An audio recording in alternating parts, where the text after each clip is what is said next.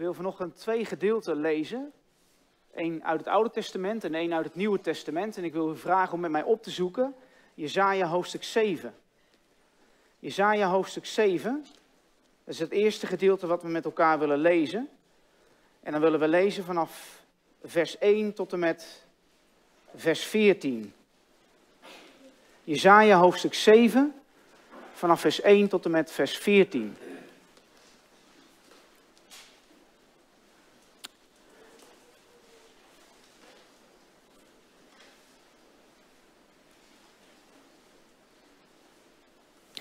En jongens en meisjes, het gaat hier in Jezaja hoofdstuk 7 over een koning en die heet Agas.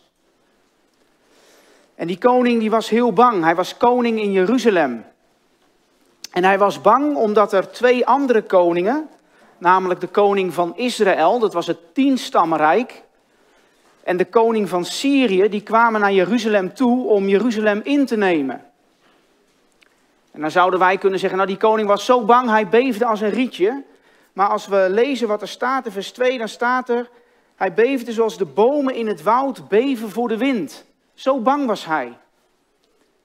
En dan gaat de Heere God spreken tot de profeet Jezaja en die zegt tegen Jezaja, Jezaja, je moet naar koning Agas toe en je moet hem gaan vertellen dat ik met hem ben. Je moet hem een teken gaan geven, een profetie, een belofte. En dan zegt die koning Agas, en dat gaan we straks met elkaar lezen. Ja, ik zal de Heer niet om een teken vragen. Wie ben ik? Het klinkt heel vroom, maar het was heel hypocriet van die koning. Want waar het op neerkwam is dat die koning Agas, die geloofde helemaal niet in de Heere God. Die wilde niet luisteren naar het teken wat de profeet Jezaja zou geven. En dan gaat Jezaja toch spreken. En dan geeft Jezaja dat teken. Maar die geeft hij niet alleen aan die koning, maar het geldt voor veel meer. Het geldt voor het volk. Nou, dat teken, daar gaan we vanochtend naar luisteren. Maar daar gaan we nu eerst van lezen, vanuit Jezaja 7. En de tweede schriftlezing vanochtend is uit Matthäus 1. Maar we gaan eerst lezen Jezaja 7, vers 1 tot en met 14. En daar staat, het gebeurde in de dagen van Agas, de zoon van Jotam, de zoon van Uzia, de koning van Juda, dat Rezin, de koning van Syrië, met Peka, de zoon van Remalia, de koning van Israël, optrok naar Jeruzalem om er oorlog tegen te voeren. Maar hij was niet in staat er de overwinning op te behalen.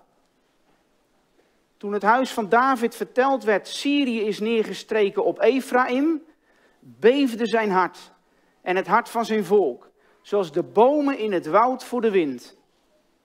En de Heere zei tegen Jezaja, Ga nu op weg, Agas tegemoet, en uw zoon Schearjaschub, naar het einde van de waterloop van de bovenvijver, bij de weg naar het blekersveld.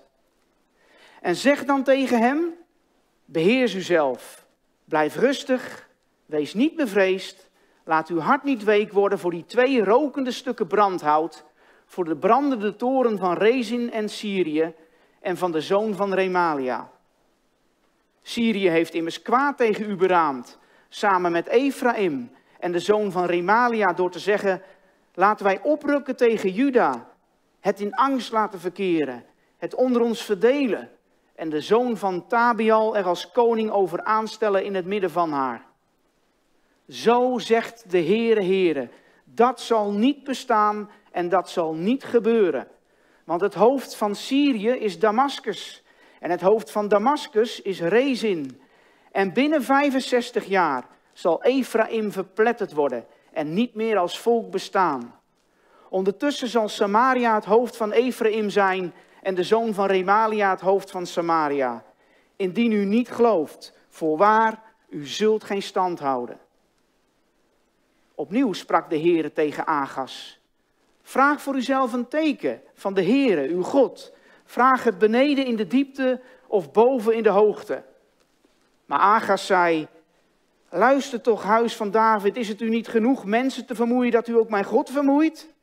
Zie je, daar zie je de hypocrietheid van deze koning. Vers 14, daarom zal de Heer zelf u een teken geven. Zie, de maagd zal zwanger worden, zij zal een zoon baren en hem de naam Immanuel geven. En dan gaan we naar Matthäus. Matthäus hoofdstuk 1.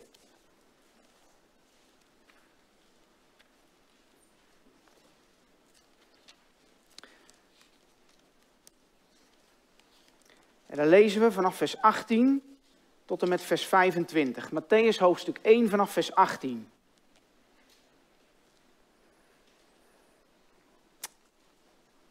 Daar staat, de geboorte van Jezus Christus was nu als volgt. Terwijl Maria, zijn moeder, met Jozef in ondertrouw was, bleek zij, nog voordat zij samengekomen waren, zwanger te zijn uit de Heilige Geest. Jozef, haar man, wilde haar onopgemerkt verlaten, omdat hij rechtvaardig was en haar niet in het openbaar te schande wilde maken.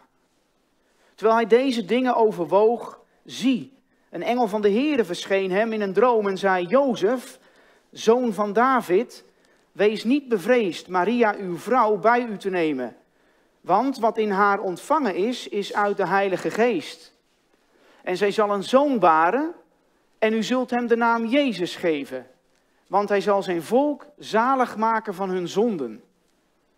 Dit alles is geschied, opdat vervuld werd wat door de Heere gesproken is door de profeet. Toen hij zei, zie, de maagd zal zwanger worden en een zoon baren. En u zult hem de naam Immanuel geven. Vertaald betekent dat God met ons.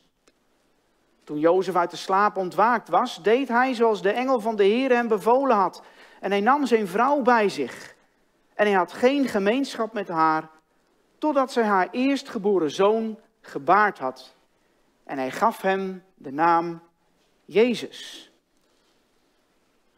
Tot zover Gods woord. Het evangelie, naar de beschrijving van Matthäus, begint in hoofdstuk 1, vers 1 met een geslachtsregister. We kunnen dat zien. we zien daar in hoofdstuk 1, vers 1 het geslachtsregister van Jezus Christus, de zoon van David, de zoon van Abraham. Nou moeten we weten dat voor de Joden een geslachtsregister heel belangrijk is en was. En Matthäus, we zien dan ook dat hij zich in de eerste plaats richt tot hen. Het evangelie naar de beschrijving van Matthäus is in de eerste plaats geschreven voor het Joodse volk.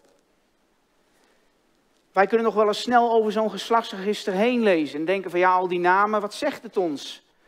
Maar het is juist goed om te beseffen dat namen heel belangrijk zijn. En namen zijn belangrijk in het koninkrijk van God. Namen zijn belangrijk voor God. In de wereld kunnen we snel vergeten zijn, maar niet bij God. Ook uw en ook jouw naam niet. Genesis, het eerste boek van de Bijbel, begint ook met een geslachtsregister in hoofdstuk 5. Dat is het geslachtsregister van Adam. Maar hier aan het begin van het Nieuwe Testament vinden we het geslachtsregister van de tweede Adam. Of de laatste Adam, Jezus Christus. Maar dit geslachtsregister, dit geslachtsregister van Jezus Christus, de tweede Adam, is Gods antwoord aan mannen en vrouwen, aan u en aan mij, voor mannen en vrouwen in geestelijke nood. Mannen en vrouwen in nood voor een zaligmaker, een verlosser. En wanneer we dit geslachtsregister zouden lezen, en u mag dat vandaag voor uzelf thuis doen, dan, dan zal u zien dat dit geslachtsregister vol staat met namen van, ja, van zondige mensen. Maar weet je wat dat nou ons te zeggen heeft? Dat wie je vanochtend ook bent, en wat je achtergrond ook is, dat Gods genade veel groter is. Zijn vergeving en zijn redding, die overschaduwen alles. Al jouw ellende. Alles wat je liever maar zo snel mogelijk vergeet. Want weet je, Jezus kwam voor zondaren, zoals jij en zoals ik ben. En direct in hoofdstuk 1, vers 1 van Matthäus, daar lezen we, zoals ik zei, Jezus Christus, de zoon van David, de zoon van Abraham. Belangrijke namen voor de Joden. En Matthäus, hij, hij bepaalt ons, geïnspireerd door de Heilige Geest, bij de beloften die zijn gedaan aan, aan David en aan Abraham. al aan het begin van de Bijbel. De belofte aan Abraham, die komen we tegen in Genesis 12, vers 3. En wat staat daar? Daar staat, in u zullen alle geslachten van de aardbodem gezegend worden.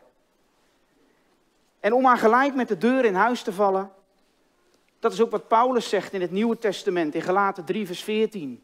Opdat de zegen van Abraham in Christus Jezus tot de heidenen zou komen, tot ons zou komen. De gelovigen, ze worden verbonden aan de zegen met Abraham. Alle geslachten van de aardbodem. Begrijp dan toch dat zij die uit het geloof zijn, kinderen van Abraham zijn. En daar ligt nou precies de sleutel. Door het geloof in de Messias, in de Heer Jezus Christus, de gezalfde. De belofte ging namelijk in vervulling toen het nageslacht, dat is Jezus Christus, geboren werd. En Matthäus, hij laat ons zien dat die geboorte van Jezus Christus diep geworteld is in de geschiedenis van Israël.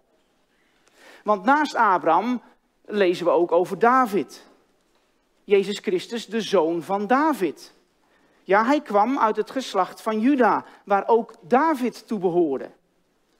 En er waren evenals aan Abraham ook aan David beloften gedaan. Die lezen we in 2 Samuel 7, vers 16. Want daar wordt aan David beloofd: Uw huis en uw koningschap zullen voor eeuwig voor uw ogen bestaan. Uw troon zal voor eeuwig zeker zijn. Vanwege de goede tierenheid van Yahweh, de goede tierenheid van God zelf, vanwege Gods verbondstrouw.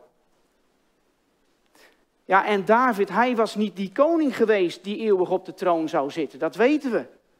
Maar ook zijn oudste zoon Amnon niet. En Absalom niet. En, en Salomo niet.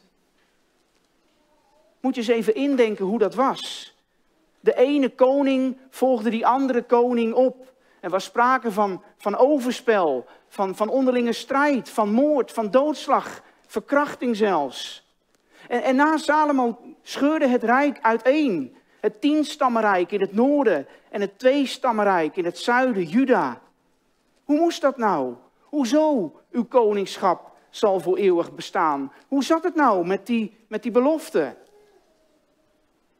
En wat te denken van de wegvoering, van de wegvoering naar Babel, omdat het volk niet meer luisterde naar de Heere God.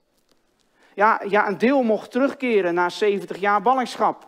dat was waar de naam van de zoon van Jezaja al van getuigde. Schea Jaschub, een klein deel zal terugkeren, betekende dat. Naar het beloofde land. Maar, maar waar was nu die koning die beloofd was, die eeuwig op de troon van David zou zitten?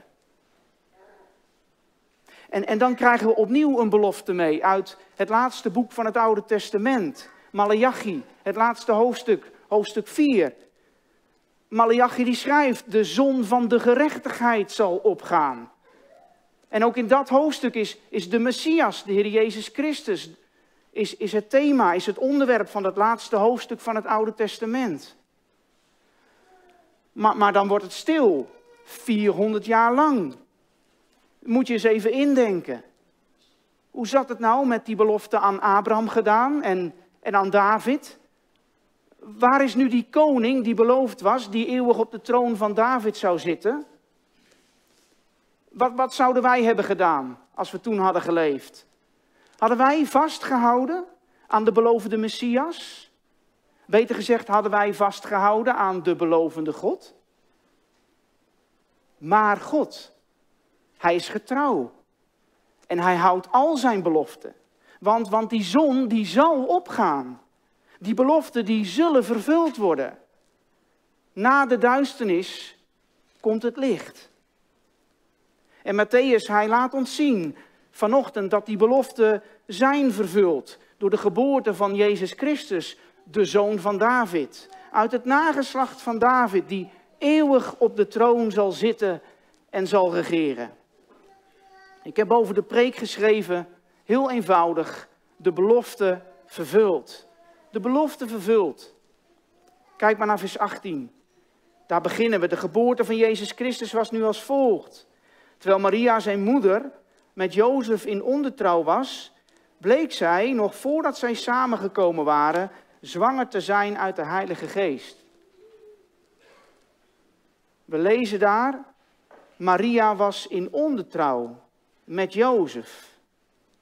En nou moeten we weten dat deze ondertrouw een andere betekenis heeft dan de ondertrouw vandaag de dag, als die er überhaupt nog is. Want de Joodse bruiloft bestaat uit twee gebeurtenissen. De eerste is de ondertrouw en de tweede is de eigenlijke huwelijksceremonie. En de bruid en de bruidegom hadden elkaar al belofte gedaan in het bijzijn van getuigen. Voor de wet waren ze getrouwd, zouden we kunnen zeggen. Het huwelijksverbond was gesloten. En let op, als we vers 19 en vers 20 goed lezen, dan zien we dat daar al gesproken wordt over man en vrouw. Is je dat opgevallen? Toch leefden Jozef en Maria nog niet samen als man en vrouw. Er was nog geen sprake van seksuele gemeenschap. Vers 18 zegt het ons namelijk nog voordat zij samengekomen waren. Dat samenkomen en samenleven, dat kwam pas later. Dat kwam pas na die tweede gebeurtenis, na die huwelijksceremonie. Er zat nog een periode tussen van, van ongeveer een jaar. Het was een soort van, van proeftijd, een, een tijd van trouw zijn aan, aan elkaar. Nog voordat het, de huwelijksceremonie, die tweede gebeurtenis, had plaatsgevonden. En het is in die periode dat Maria bleek zwanger te zijn. Nou worden in vers 18 twee belangrijke gebeurtenissen genoemd en daar moeten we niet te snel overheen lezen. Het eerste wat daar wordt genoemd en wat belangrijk is, is de geboorte van Jezus Christus. God die mens wordt. God die afdaalt vanuit de heerlijkheid, vanuit het licht en komt naar deze wereld in duisternis. En gemeente, dat is een godswonder. Het eeuwige woord wordt vlees, wordt mens.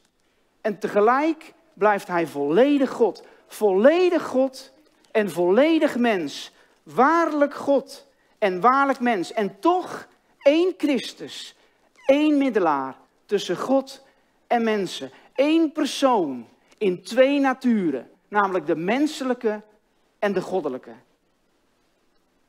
Dat kunnen wij niet begrijpen met ons verstand. Ons verstand is te klein. Maar het is waar en het is ook noodzakelijk. We kunnen toch immers ook de schepping niet begrijpen met ons verstand. Denk je eens in, God sprak en het is er, uit niets.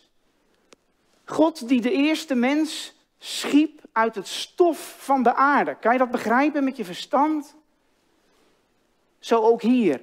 Voor Hem die de wereld geschapen heeft, is niets onmogelijk. En, en dat moeten we goed onthouden, ook voor ons persoonlijke leven. Want bij de Heer zijn alle dingen mogelijk. En het is nooit hopeloos. Voor jou ook niet vanochtend. Ik zei zo even dat het ook noodzakelijk was. Volledig God en volledig mens. En weet je waarom? Hij moest volledig God zijn om de straf op de zonde te kunnen dragen te betalen voor al degenen die in hem geloven, die hem toebehoren.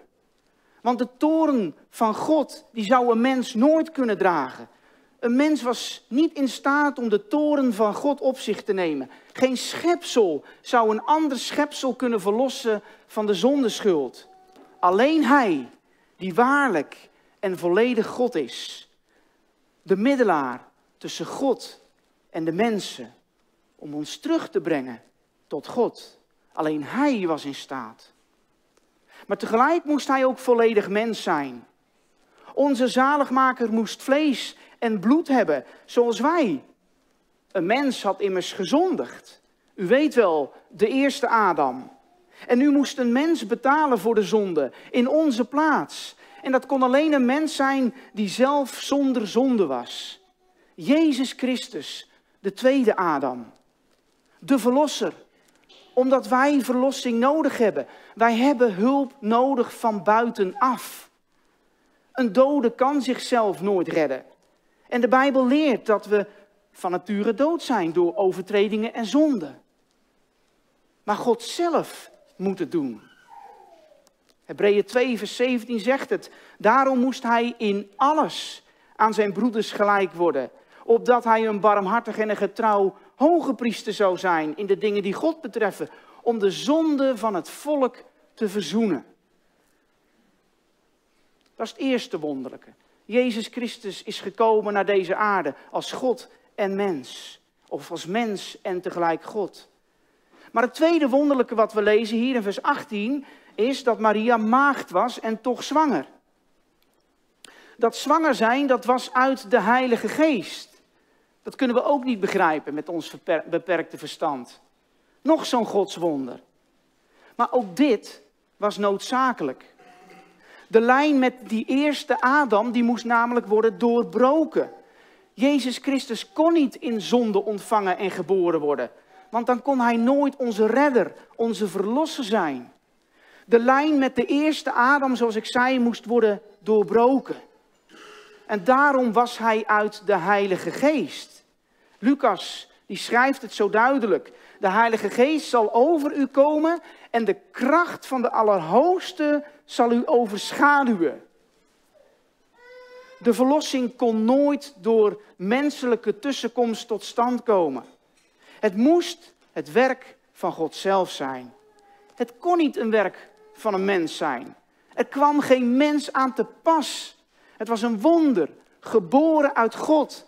God handelde soeverein. Want wat uit vlees geboren is, is vlees. En wat uit de geest geboren is, is geest. Maria was maagd. En het Hebreeuwse woord voor maagd is alma. En het is goed om te weten dat dit woord nergens in het Oude Testament wordt gebruikt voor een getrouwde vrouw. Iemand zei eens, het geboren doen worden uit een maagd was een heel wijze manier om de komst van de Zoon van God in deze wereld aan te kondigen. Weet je waarom?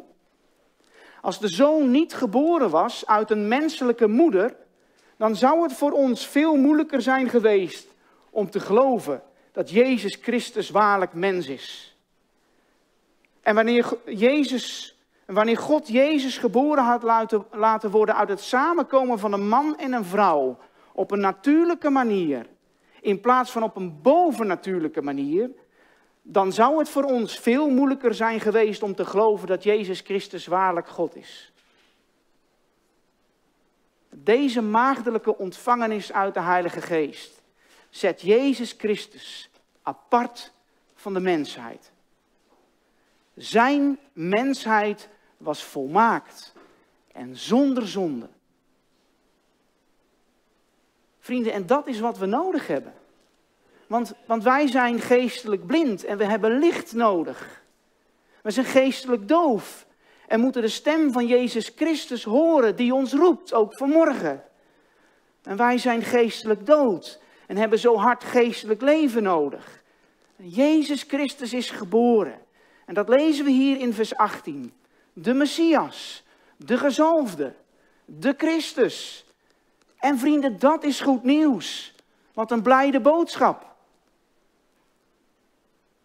Vers 19, het zegt ons, Jozef, haar man, wilde haar onopgemerkt verlaten omdat hij rechtvaardig was en hij niet in het openbaar haar te schande wilde maken. Wij kunnen de gedachten van Jozef wel volgen, toch? Denk je eens in. Die eerste huwelijksbeloften, die waren uitgesproken. En, en nu was zijn bruid zwanger, zijn aanstaande. Maar, maar één ding was wel zeker. Hij was niet de vader. Ze leefden immers nog niet als man en vrouw. Ja, Maria was ontrouw geweest, zo dacht Jozef. Ja, Jozef, hij was een rechtvaardig man, zegt onze tekst. Hij was een man van, van principes. Een man die met zijn hele hart wilde leven volgens Gods regels. Hij nam het serieus. Hij wilde zijn vrouw niet in het openbaar te schande maken. En daarom verkoos hij het een boven het ander. En volgens de gebruiken in die tijd waren er twee mogelijkheden voor Jozef. En het een was een rechtszaak en het ander was een echtscheidingsbrief overhandigen in stilte, zonder Maria te betrekken in een gerechtelijke procedure. Een rechtszaak wilde hij niet, want hij wilde Maria niet het onderwerp van schande maken. Het zegt ons veel over Jozef. Jozef, hij doet het tegenovergestelde van datgene wat onze samenleving zou doen. Jozef wilde haar niet te schande maken. Daar dacht hij over na in zijn hart. Hij overwoog, staat er in onze tekst. Hij hield van haar en, daarom koos hij voor het laatste, haar onopgemerkt verlaten. Na haar een scheidsbrief te hebben geschreven. Jozef dacht na, hij overwoog. En dan gaat God zelf ingrijpen. Dan gaat God zelf handelen. Vers 20 zegt het ons dat hem een engel van de Heere verscheen in een droom. Zie, een engel van de Heere verscheen hem in een droom en zei: Jozef, zoon van David, wees niet bevreesd Maria uw vrouw bij u te nemen, want wat in haar ontvangen is, is uit de Heilige Geest. De verschijning van de engel van de Heere zelf aan Jozef benadrukt dat wat hier gaande is niet zomaar iets is. Jozef, zoon van David. Hij wist nog niet dat wat in Maria groeide de zoon van David was. Ja, die, die koninklijke geslachtslijn, die wordt hier door de engel zo duidelijk genoemd. Hij is de geopenbaarde koning. Zijn majesteit is duidelijk. En dat is wat Matthäus ons vanmorgen laat zien. Hij is de beloofde koning. En die belofte, die wordt vervuld. Zo was Matthäus ook begonnen. In vers 1 van hoofdstuk 1. En Jozef, hij kwam uit diezelfde geslachtslijn als Jezus Christus. De maagdelijke ontvangenis van dat kind dat groeide in Maria wordt hier nog eens benadrukt, omdat de engel zegt dat wat in haar ontvangen is uit de Heilige Geest is.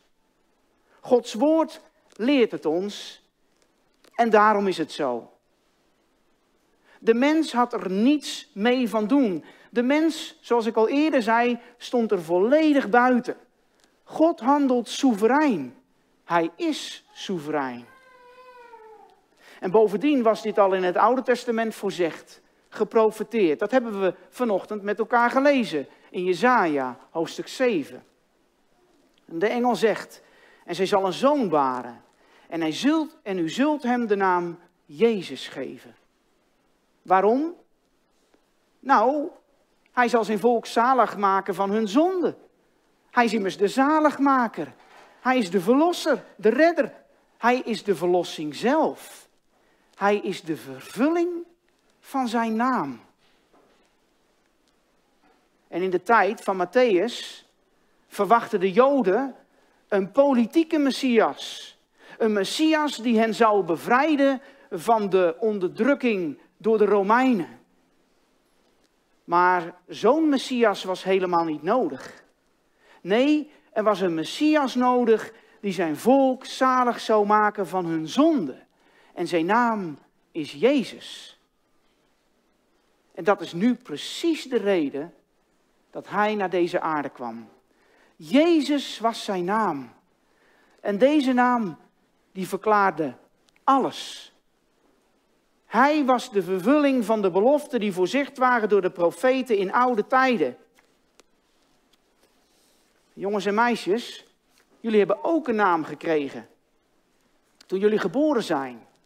Een naam die je gekregen hebt van je vader en je moeder. Ze hebben je die naam gegeven. En jouw naam is heel bijzonder, want het is iets persoonlijks. Het hoort bij jou. Als je je naam hoort, dan reageer je als het goed is. Als je geroepen wordt, dan herken je het. Dit is mijn naam, dit ben ik, dit gaat over mij. Zo kreeg de zoon van Maria ook een naam. Jezus.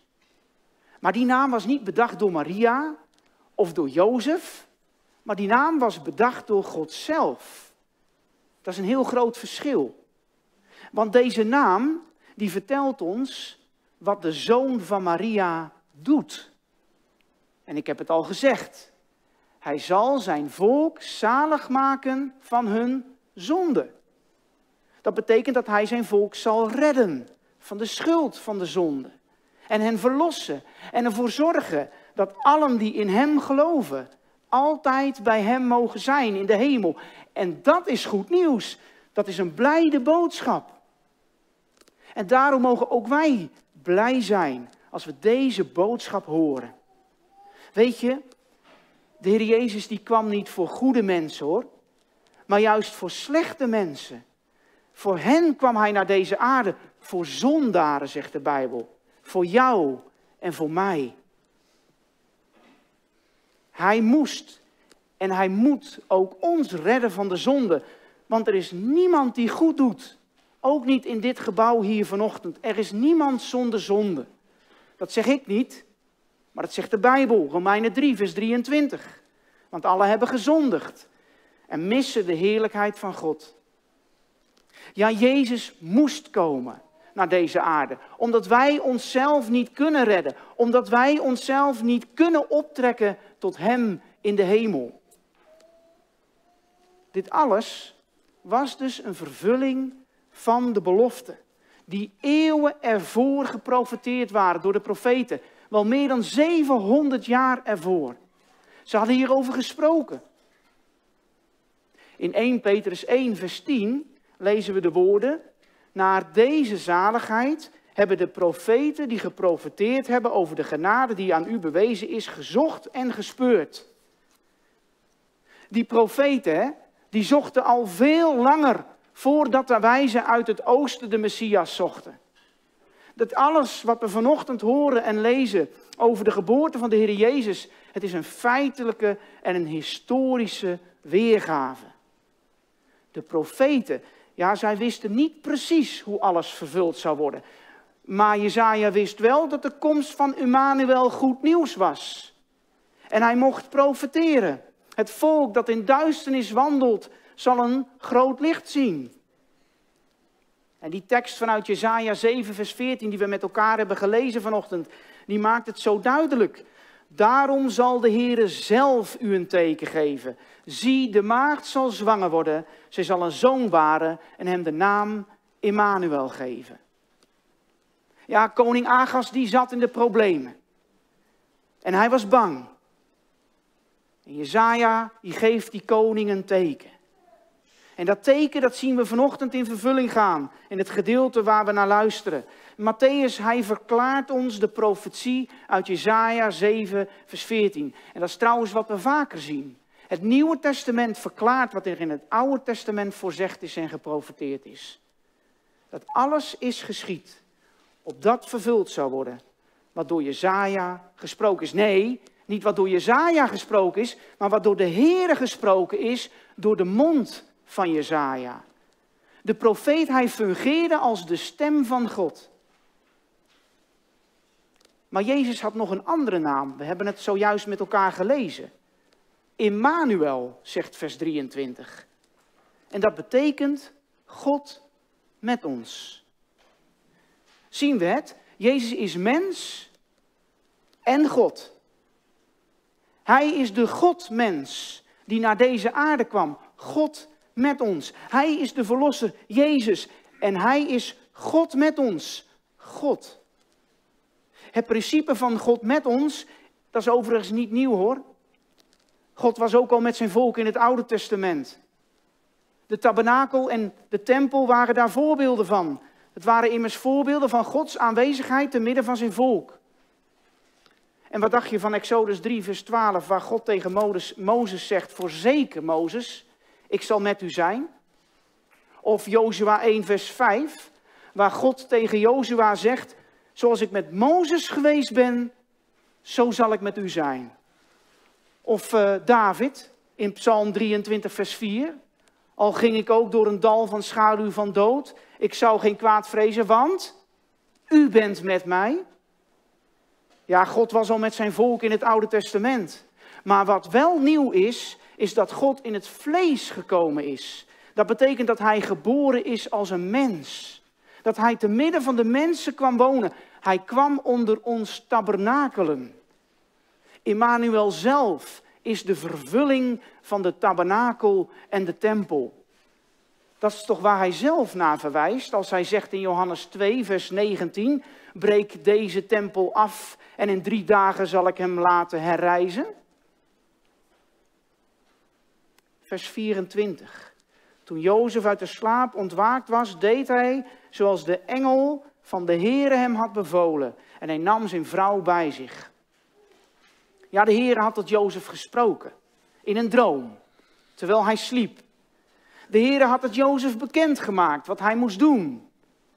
En het is goed om te weten dat alle zesde keren dat de Heer in het Nieuwe Testament spreekt door een droom uit het Evangelie naar de beschrijving van Matthäus komen, er betrekking hebben op de Heer Jezus Christus zelf. We kunnen ons voorstellen hoe opgelucht Jozef moet zijn geweest nu hem bekend is gemaakt dat er geen sprake was van, van ontrouw van de kant van Maria. Maar voordat hem dat duidelijk was, bleek Jozef al een rechtvaardig man te zijn hoor, zoals we hebben gehoord. Zijn rechtvaardigheid hing niet af van de omstandigheden waarin hij verkeerde, maar zijn rechtvaardigheid eh, was vanuit God, op wie hij vertrouwde. Die engel die tot Jozef sprak in een droom maakt duidelijk dat we hier te maken hebben met iets heel bijzonders, iets bovennatuurlijks. Ja, Jozef, hij was er zeker van. Hij kon zijn vrouw tot zich nemen. Van een scheiding was hier geen sprake en zelfs niet van een scheidsbrief in stilte. Jozef, hij was gehoorzaam aan dat wat de engel van de Heere tegen hem had gezegd. Hij was immers een man van geloof. Hoe zit dat bij ons vanochtend? Zijn wij mannen en vrouwen, jongens en meisjes van geloof? Ook als er geen engel aan te pas komt? Geloven in dat wat God zegt? Dat God een waarmaker is van zijn woord? Dat de beloften die eeuwen geleden gedaan zijn, in vervulling, in vervuld worden? Wij mogen ons vasthouden aan dat woord van God. Want zijn woord is waarheid en betrouwbaar. Ja, 400 jaar lang was het stil geweest totdat het licht doorbrak. Totdat het volk dat in duisternis wandelde dat grote licht zou zien. Die zon, de gerechtigheid, die zal opgaan. En we weten het, soms duurt wachten lang. Maar het wachten werd wel beloond. God doet wat hij belooft. De belofte is vervuld. Ja, Jozef, hij was gehoorzaam. Hij deed zoals de engel hem had verteld. Hij zette Maria niet aan de kant en hij gaf hem de naam Jezus. Dat lezen we in vers 25, precies zoals gezegd was. Jezus, verlosser, de Emmanuel, God met ons. Maar de Heer Jezus, hij maakt het ook heel persoonlijk vanochtend, voor ons. Laten we nog één keer luisteren naar wat de profeet Jezaja zegt. In hoofdstuk 9, vers 5.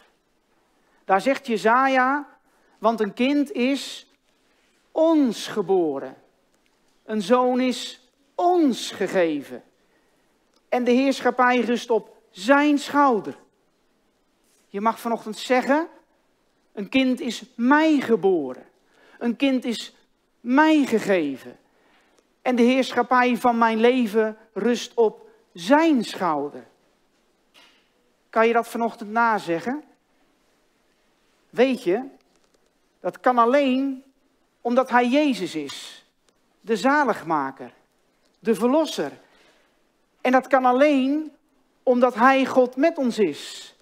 Emmanuel. Hij wil ook jouw God zijn. Jouw verlosser. Jouw Emmanuel. En dat kan alleen door de Heilige Geest. Jij mag Jezus Christus jouw Heer noemen door de Heilige Geest. En het kan ook alleen maar door de Heilige Geest. Want de Heilige Geest moet eraan te pas komen. Net zoals bij Maria. Want het is een bovennatuurlijk werk. Net zoals de geboorte van de Heer Jezus een bovennatuurlijk werk was. God met ons en God in ons. Als je een ware gelovige bent. Jezus leefde. En dat leven van Jezus, dat was, zoals ik zei, volmaakt en zonder zonde. Dat is het bewijs van zijn bovennatuurlijke geboorte en goddelijkheid. Het hoort helemaal bij elkaar. En dankzij dat volmaakte leven van Jezus Christus is er licht voor ons. Komt er licht in onze duisternis. En misschien bid je al wel heel lang dat ook jij mag beleiden dat Jezus Christus jouw verlosser is, jouw zaligmaker, jouw Immanuel. En weet je, geef nooit op, want God is getrouw. Zijn beloften worden vervuld. En een van die beloften uit het Oude Testament zegt dit. Wie mij ernstig zoeken, zullen mij vinden. Matthäus, hij eindigt zijn evangelie met deze woorden. En zie, ik ben met u. Al de dagen tot de voleinding van de wereld. Ik ben met je. Als je het moeilijk hebt. Ik ben met je als je ziek bent. Ik ben met je wanneer je naar het ziekenhuis moet. Ik ben met je wanneer je gaat door het dal van schaduw van de dood. En als we sterven moeten, dan is God met ons. En daarna wij met God in de eeuwige heerlijkheid. De beloften van Emmanuel zijn vervuld. En gemeente, dat is een godswonder. Matthäus heeft het ons vanochtend laten zien. God die mens werd, geboren uit de maagd, die de naam Jezus kreeg, die Emmanuel is. Het gaat ver boven wat wij kunnen begrijpen. Maar als God dit kan, zou hij dan niet jouw verlosser kunnen zijn? Vertrouw op zijn woord. Hij doet wat hij belooft. Na 400 jaar duisternis, de periode tussen de twee testamenten, het werd licht. Jezus Christus, de verlosser van zondaren, zegt vanochtend: Ik ben het licht van de wereld. Wie mij volgt, zal beslist niet in de duisternis wandelen, maar hij zal het licht van het leven hebben. Dat is, die zal hem zelf hebben, die zal Christus hebben. Immanuel, God met ons. Amen. Laten we met elkaar zingen als antwoord op de